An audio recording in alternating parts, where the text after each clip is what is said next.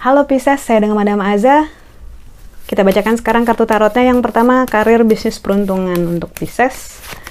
Kartu yang keluar adalah The Hermit. Ketika kartu The Hermit keluar, ini sebenarnya yang hendak disampaikan adalah seorang pertapa ini punya kemampuan untuk menilai dirinya sendiri dan lingkungannya. Mampu juga untuk menilai growth-nya. Karena itu biasanya kartu ini keluar untuk mengingatkan dirimu tentang pilihan yang akan ataupun sedang kamu buat gitu ya kartu The Hermit mengingatkan dirimu bahwa kamu sampai ke sekarang ini udah bagus loh gitu.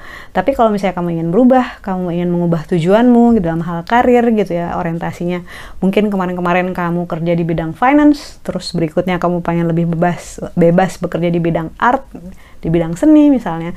Itu juga nggak apa-apa gitu. Karena itu kartu The Hermit mengingatkan dirimu bahwa uh, secara berkala cobalah untuk berkaca ataupun mempertanyakan dirimu sendiri.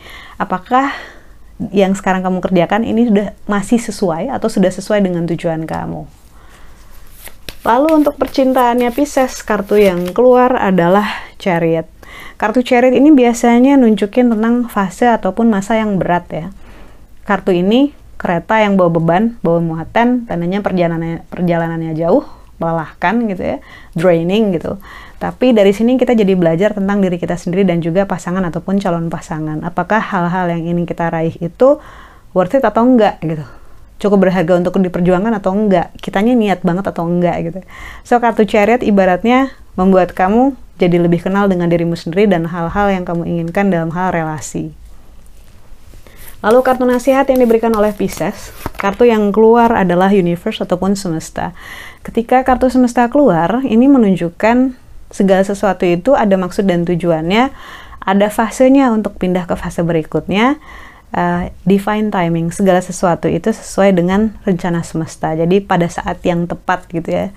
So, ketika kartu semesta keluar, intinya juga adalah tentang continuity. Jadi kalau misalnya kamu ngerasa bahwa udah saatnya kamu melakukan suatu hal yang berbeda, ibaratnya kemarin masih ada di bab 2, ini saatnya saya masuk ke bab 3 nih dan kamu harus melakukan sebuah perubahan, maka monggo silakan dilakukan saja. Ataupun kalau misalnya kamu ingin melepaskan hal-hal di masa lalu gitu ya, karena sudah saatnya kamu masuk ke fase yang baru gitu, ya enggak silahkan dilepaskan yang masa lalunya karena ibaratnya semesta itu kan selalu berproses. Begitu juga kamu dengan hidupmu, kamu dengan proses growth ataupun perkembangan kamu.